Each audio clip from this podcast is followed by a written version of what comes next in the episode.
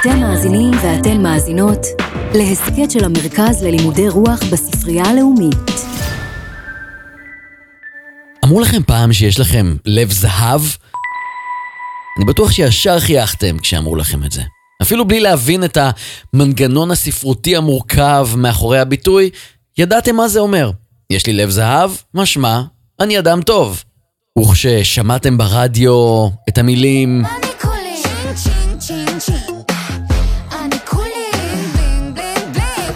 אז מיד הבנתם שנועה קירל אומרת על עצמה כאן שוואלה, היא משהו מיוחד, יקר ערך. כשהמורה לספורט אומרת שהילד הכי אתלטי בכיתה הוא מהיר כמו שד, אז כמובן שהנהנתם בהסכמה כי יש לו תוצאה מצוינת בריצת 60 מטר. אין כאן שום השוואה לשד, ככל שיש דבר כזה שד במציאות, ואין. כל אלו הם מטאפורות, הם דימויים. שלום שוב, אני עומר, והפעם בפרק הזה נגלה מהי מטאפורה, מהו דימוי, ולמה משתמשים בהם, מתי משתמשים בהם, והכי בוער, איך מבדילים ביניהם. אז בואו נתחיל. מה הפואנטה? מה הפואנטה? שיעור פרטי בספרות.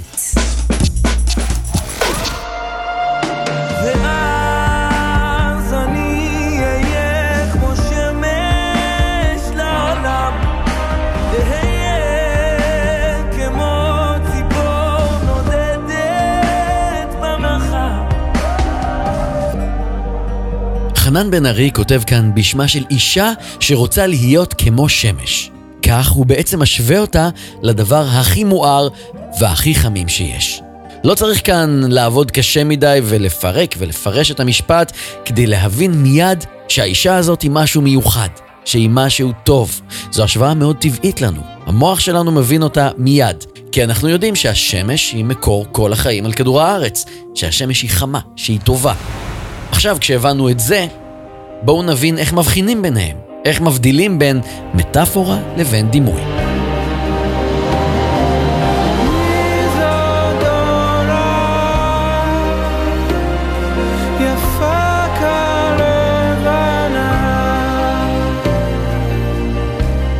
את יפה כמו לבנה, כמו הירח, כותב אביתר בנאי לאהובתו.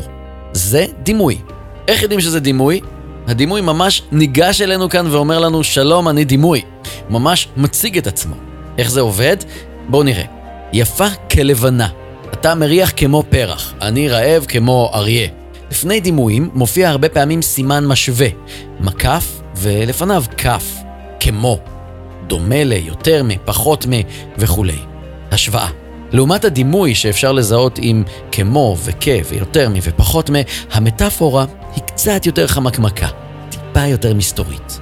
המטאפורה אומרת לנו ש-X דומה ל-Y, ש-A דומה ל-B, ובכך יוצרת משפט שבתוכו אנחנו יכולים לבצע השוואה.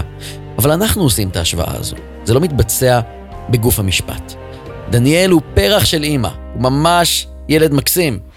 כי גם ככה פה זה בית משוגעים בלהיט של רן דנקר אין את המילה כמו, כלומר ישראל היא לא כמו בית משוגעים, ישראל היא בית משוגעים ישראל היא בית משוגעים. זו מטאפורה. השוואה בין ישראל לבין מקום מוטרף לחלוטין, חסר שפיות. זה בית משוגעים יונה וולך חידדה את מה שקורה לנו בתוך המוח כשאנחנו מבינים מטאפורה ומבינים דימוי. יונה כותבת, תת-הכרה נפתחת כמו מניפה. שימו לב למשפט הזה, זה משפט מאוד מעניין, בואו ננסה להבין מה קורה בו. כשמדובר באמצעים ציוריים, פיגורטיביים, מה שנקרא, תת המודע שלנו משחק תפקיד מאוד מאוד חשוב. הוא צובע את הטקסט בכל מיני גוונים שקשורים לרגשות. ככה אנחנו מבינים טוב יותר גם את מה שנאמר וגם את מה שלא נאמר, את התחושה שאנחנו אמורים לקבל מתחת לטקסט. כמו למשל, בשמש החמה והזוהרת והטובה שאצל חנן בן ארי.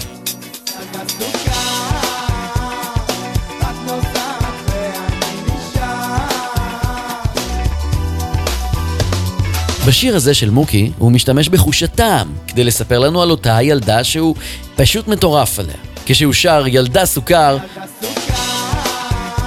אנחנו, שמכירים את הטעם של סוכר, מיד מבינים שהילדה כנראה מתוקה וממכרת ומשמינה, לא, היא לא משמינה, זה לא קשור, וכל זה נעשה במילה אחת, בלי שמוקי ישתמש פעם אחת בהסברים. הוא לא נאלץ לעצור את השיר ולספר לנו שהילדה מתוקה, מספיק להגיד סוכר, ואנחנו כבר מבינים. הרבה פעמים משוררים וסופרים משתמשים במטאפורה ובדימוי דרך עולם החושים. זה עוזר להם להעניק מוחשיות לתיאור. זה מטעין אותו ברגש, בטעם, בתחושה או במראה שהקהל, שאנחנו, כבר מכירים מהניסיון שלנו כבני אדם. שימו לב לזה. רך כמשי. קרה כקרח. הבנתם את זה, נכון? או למשל...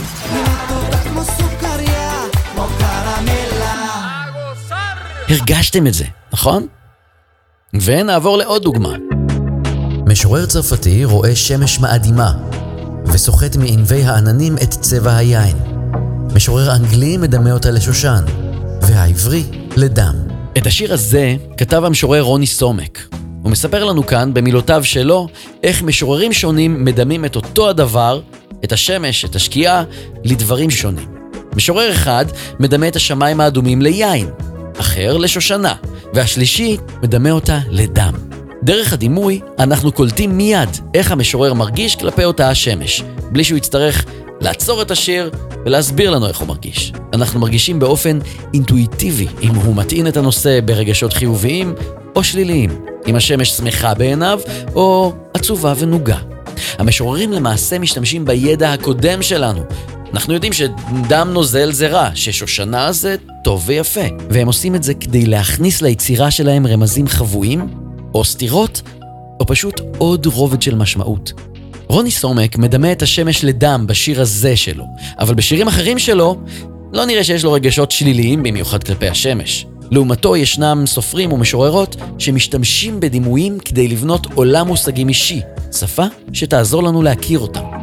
בהרבה מאוד שירים של לאה גולדברג למשל, היא משתמשת בדימוי של אבן שזרוקה במדבר צחיח כדי לתאר חיים של אכזבה ושל עצב, לתחושות שכנראה ליוו אותה די הרבה. אני מוטלת כאבן בין הרכסים הללו בתוך עשב כתום ושדוף ושרוף קיץ אדישה ודוממת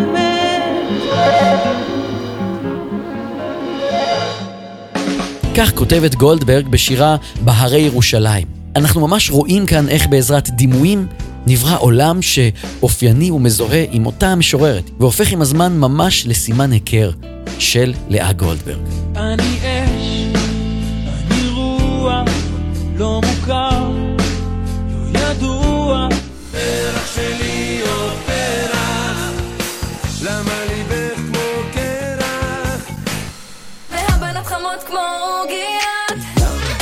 עכשיו אתם בטח שמים לב שיש המון דימויים ומטאפורות בכמעט כל טקסט בחיים שלנו.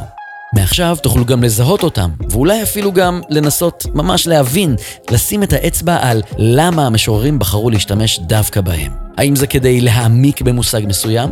או כדי להעניק מוחשיות ודחף דרך החושים שלנו, או כדי להטעין את הסיפור ברגשות חיוביים או שליליים, או שאולי זה כלי שהמשורר משתמש בו כדי לברוא לעצמו עולם ספרותי שמזוהה רק איתו. מין סוג של שפה משלו.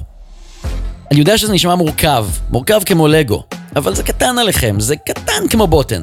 עכשיו, אחרי ששמעתם את הפרק הזה, אתם שפיץ, אתם חדים כמו סכין, אתם מזהים את המטאפורות מיד, אתם חריפים אש.